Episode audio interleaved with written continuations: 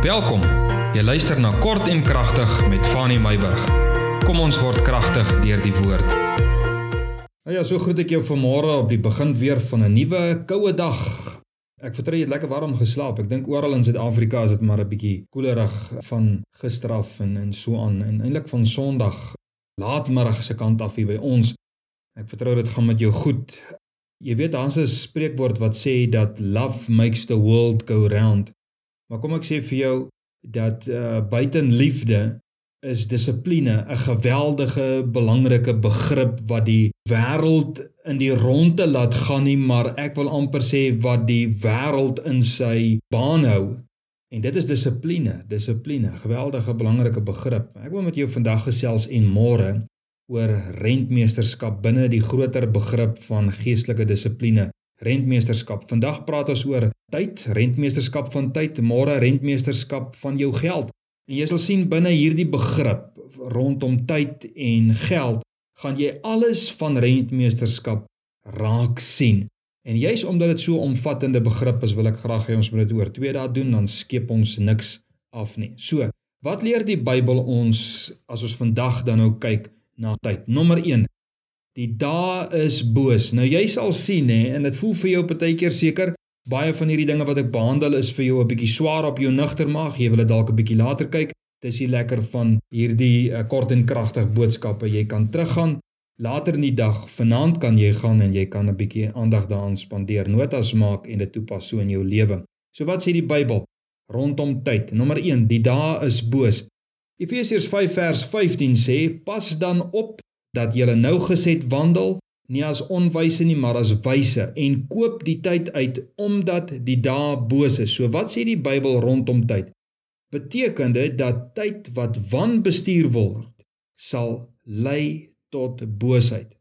Of tot die spreekwoord, julle ken dit baie goed, ledigheid is die duiwelse oorkussing. Met ander woorde, die onwyse tydspandering of dan om glad nie tyd te spandeer nie, laat ons harte tog afdwaal van goddelike leefwyse. Dis nommer 1. Nommer 2, tyd is die spasie waarin ons moet voorberei vir die ewige lewe. Dink daaroor. 2 Korintiërs 6 vers 2 sê: "Kyk, nou is dit die tyd van die welbehae, met ander woorde die welbehae van die Here. Kyk, nou is die dag van jou verlossing. Jy moet jou tyd wys spandeer, want tyd loop uit voor jy voor die troon van God moet staan en reeds rekenskap sal moet gee. Die graf en die ewige lewe wink vir ons almal. Rentmeesterskap van ons tyd sal bepaal waar ek en jy ons ewige lewe sal deurbring. Nommer 3. Tyd is kort. Enige iets wat skaars is, is van onskatbare waarde en tyd is een van hulle. Maak nie saak hoe lank ons voorgeslagte of jou betrokke bloedlyn gelewe het nie, Jakobus 4 vers 14 sê: "Hoe danig is julle lewe? Dit is tog maar 'n damp wat vir 'n kort tydjie verskyn en daarna verdwyn. Jy moet 'n rentmeester van jou tyd wees want jy weet nie hoe lank gaan jou damp aanhou nie." Volgende een: Tyd gaan verby. 1 Johannes 2 vers 17. Die wêreld gaan verby en sy begeerlikhede gaan verby. Tyd gaan verby, maar hy wat die wil van God doen, bly vir ewig. So wat is tydelik? Tyd is tydelik. Die wil van die Here is vir ewig. Tyd wat verby is, kan nooit teruggewen word nie. Dis mos nou nie rocket science nie. Dis 'n uurglas en water onder deur die brug. So behalwe dat tyd kort is, gaan dit haastig verby vir al hoe ouer jy word nê. Daarom sê Johannes, doen die wil van God want dit ten minste bly vir ewig. Volgende punt. Tyd is onseker. Spreuke 27:1. Beroem jou nie op die dag van môre nie, want jy weet nie wat die dag sal bring nie. Daar is niks wat môre gaan verseker nie. Daar is niks wat jou gaan help om 1 uur by jou lewe te voeg nie. Geen som geld of mylpaal of suksese nie. Niks. Elkeen wat gister opgestaan en vandag nie meer lewe, het dit geweet, maar kon voorbereid gewees het op die uitkoms. En niemand kan verander hoe hulle hulle tyd spandeer het en tog sou hulle jou vandag met raad wou bedien hoe jy jou tyd moet spandeer. Hoekom? Want is onseker. Volgende punt. Tyd kan nie teruggewen word nie. Johannes 9 vers 4 sê: Ek moet die werke doen van hom wat my gestuur het, Jesus se woorde. Solank as dit dag is, want die nag kom wanneer niemand kan werk nie. Tyd kan nie teruggewen word nie. Alhoewel tyd nie teruggedraai of oorgekry kan word nie, kan ons mos nou die tyd wat ons oor het tog beter spandeer. Is dit nie so nie? Filippense 3 vers 14 sê Paulus, hy sê ek vergeet die dinge wat agter is. Ek strek my uit na wat voor is en ek jaag na die doel om die prys te verkry van die hoë roeping van God in Christus Jesus. Hy sê daar's 'n prys. Ek kan niks in die verlede doen nie. Ek kan nie die tyd terugwen nie, maar ek kan iets aan my toekoms doen. Dis wat belangrik is. Volgende gedagte: Jy moet verantwoording doen teenoor God vir jou tyd.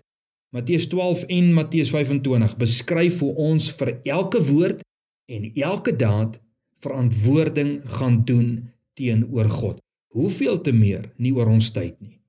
Jou redding nê is nou nie hier ter sprake nie, maar wel jou hemelse beloning, want vir elke uur moet jy voor God gaan pa staan. Is dit nie so nie? Volgende gedagte. Tyd gaan maklik verlore. Verstaan jy al hierdie punte? Hoe belangrik rentmeesterskap van jou tyd is en hoekom dit 'n dissipline is. Tyd gaan maklik verlore. Leiards nê, volgens Spreuke, is die mense wat tyd mors, wat tyd laat verlore gaan. Hulle draai soos wat Spreuke 26 vers 13 en 14 sê, hulle draai so skarniere op hulle beddens rond. Dis dan die kant dan daai kant. Hulle doen niks. Hulle sien altyd 'n gevaar in alles wat gedoen moet word. Jy weet baie mense bly van die kerk af en hulle verag hulle geestelike verantwoordelikhede vir redes soos onveiligheid en moegheid, net soos daai leier. Daarom sê Spreuke 24 vers 33 en 34: Nog 'n bietjie slymer nog 'n bietjie slaap en jou armoede kom aangeloop en gebrek soos 'n gewapende man. Tyd gaan maklik verlore. Tyd het meer waarde as geld en tog draai mense hulle sente om, maar hulle mors hulle tyd. Is dit nie so nie? Ons heg waarde aan tyd. Volgende gedagte, ons heg waarde aan tyd met ons dood.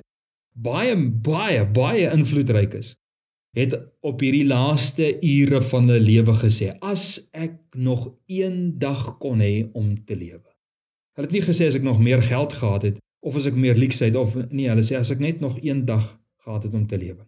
Tyd het ewe skielik waarde as dit vir ons uitgeloop het. Tyd waardevol gespandeer word gekoppel aan 'n lewe vir Jesus Christus, want dis al wat tel op einde van die dag. Ons voel anders oor die dood wanneer ons tyd aan Jesus Christus behoort het. Want by die dood, sê die Bybel, dan vind die regverdige 'n uitkoms. Ons volgende gedagte, die waarde van tyd in terme van die ewigheid. En ek gaan klaarmaak met hierdie ene. As daar enige verwyd in die hemel sal wees, hoor mooi. As daar enige verwyd in die hemel sal wees, sal dit wees omdat ons ons tyd nie reg gespandeer het nie nie gespandeer het tot eer van die Here om in sy genade te groei nie. En daar is geen duideliker verhaal te vind in die Bybel as in Lukas 16 daar in vers 25. 'n Man wat sy lewe in hoogmoed en rykdom sonder agting vir God en sonder medelyde vir sy medemens geleef het en homself daarvoor verwyd en gewens het hy kan ander waarsku om hulle tyd beter te spandeer nie. Dis die verhaal van onthou die ryk man en Lazarus, nê. Lazarus bevind hom daar aan die boesem van Abraham. Die ryk man is daar aan die ander kant, daar waar dit warm is, omdat hy sy tyd nie reg gespandeer het nie. Kind van die Here. Een van die dissiplines, een van die geestelike dissiplines is om rentmeesterskap van jou tyd uit te oefen. So, gebruik jou tyd om verlossing te bekom wat ewigheidswaarde sal hê. En onthou, Vat hierdie boodskap as jy nie alles kan onthou nie, gaan luister hom weer en pas rentmeesterskap van tyd toe in jou lewe. Tot ons môre oor rentmeesterskap van geld gesels.